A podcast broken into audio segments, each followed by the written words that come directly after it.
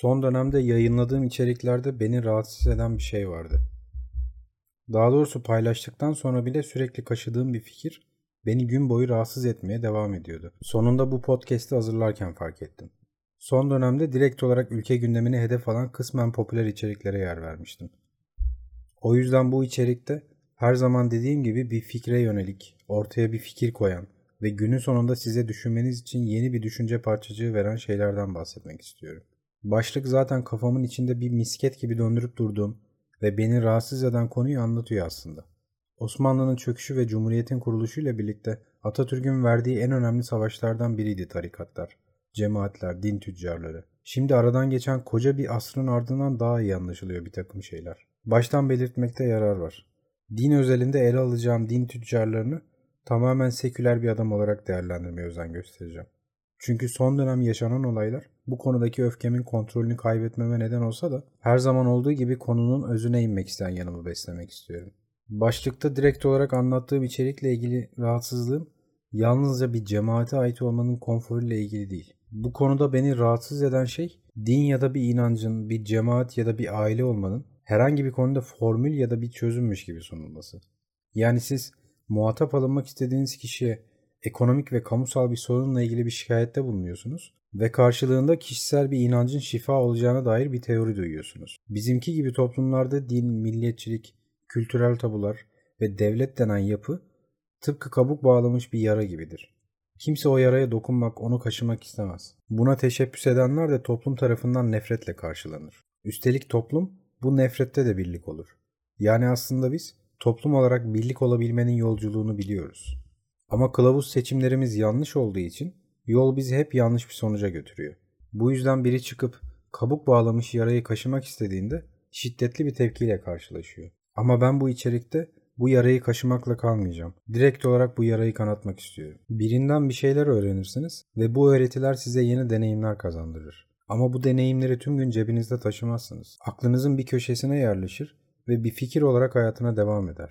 Siz farkında olmadan kafanız vakti geldiğinde bu fikre dayalı talimler yaptırır size.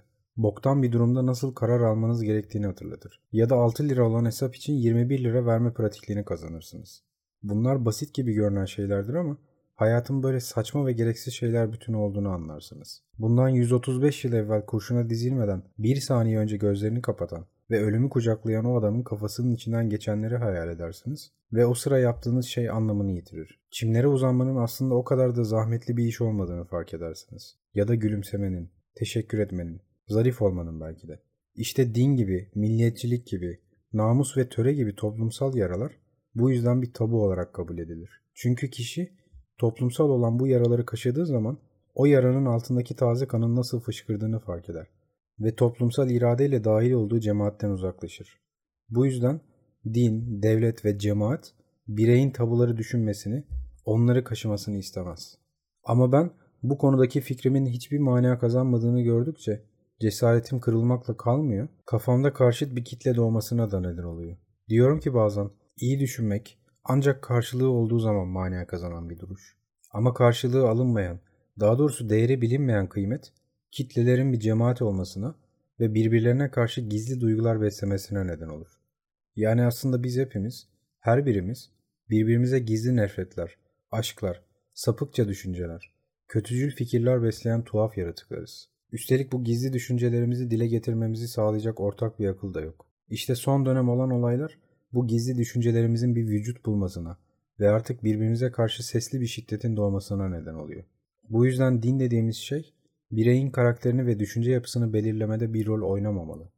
Böyle durumlarda ne gibi sonuçların ortaya çıktığını tarih ve son 20 yıl bize canlı olarak gösterdi çünkü. Konuya dair toplumsal ve genel bir giriş yaptığıma göre seküler bir adam olarak kendi fikirlerime de yer vermek istiyorum. Din dediğimiz şey bana göre insanlığın bulduğu en hassas ve manipüle etmesi en kolay konu. Başlıkta bu sakıncalı inanca dair yaptığım Allah da ötesini bırak ifadesinin beni rahatsız eden tarafı bireysel bir sınır olarak kalması gereken kişisel inancın ticari bir metot haline gelmesi. Yani siz birine yaşadığınız bir sorunu anlatıyorsunuz ve karşılığında size Allah de ötesini bırak diyor. Ha öyleyse tamam o zaman. Devletin iş bilmezliği yüzünden battım, dükkanımı kapattım. Ama eve gidip kanepeye uzanayım ve Allah deyip gerisini düşünmeyeyim. İşte bu ucuz yöntemlerin bir başarı formülü ya da daha kötüsü bir tasavvuf metodu olarak pazarlanması benim tansiyonumu yükseltiyor.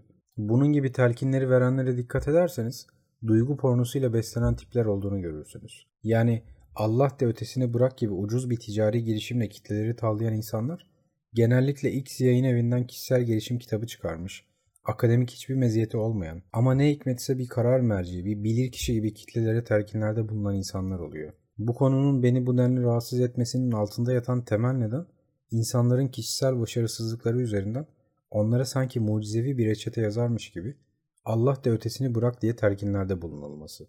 Oysa biz hepimiz, her birimiz başarısızlıklarımızın sonucuyuz. Birçok yanlışın şekil verdiği hayatlara sahibiz. O kadını aldatan yanımız bize sadakatin nasıl ahlaklı bir erdem olduğunu hatırlattı. Yolda bulduğumuz parayı sahibine ulaştırmak için harcadığımız çaba, iyiliğin toplumsal değil, bireysel bir eylem olduğunu öğretti. Fikrini söyleyebilme özgürlüğü, toplumun bir tabu gibi davrandığı kabuk bağlamış yaraları kaşıma cesareti verdi. İşte ben bunları düşünürken kişisel gelişim adı altında kendisini başarısız, terk edilmiş ya da yalnız hisseden insanları potansiyel bir kitle olarak gören üçkağıtçı ve duygu sömürücüsü insanlar seküler bir adam olarak beni çok rahatsız ediyor. Üstelik Allah'ın telif hakkını bile ödemiyorsun. Neyin havası bu? Farkında mısınız bilmiyorum ama Allah herkesin ağzında. Herkes onunla ilgili fikir üretiyor. Allah aslında şöyle ister, böyle buyurur. Kimse Allah'ın fikrini sordu mu bugüne kadar? Belki de Allah çok yalnız ve kimse ona fikrini sormadığı için çok üzgün. İşte bu saçma konu, üzerine böyle saçma bir kara mizah yapılacak kadar rahatsız edici ve kanatana kadar kaşınası bir konu.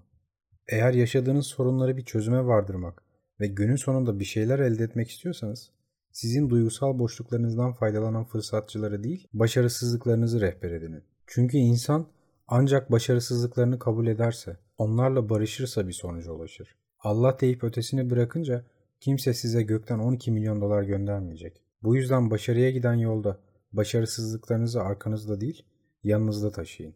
Ve ben gibi ukala ukala tavsiyelerde bulunanları da can kulağıyla dinlemeyin. Günün sonunda yine kendi bildiğinizi okuyun. Görüşmek üzere.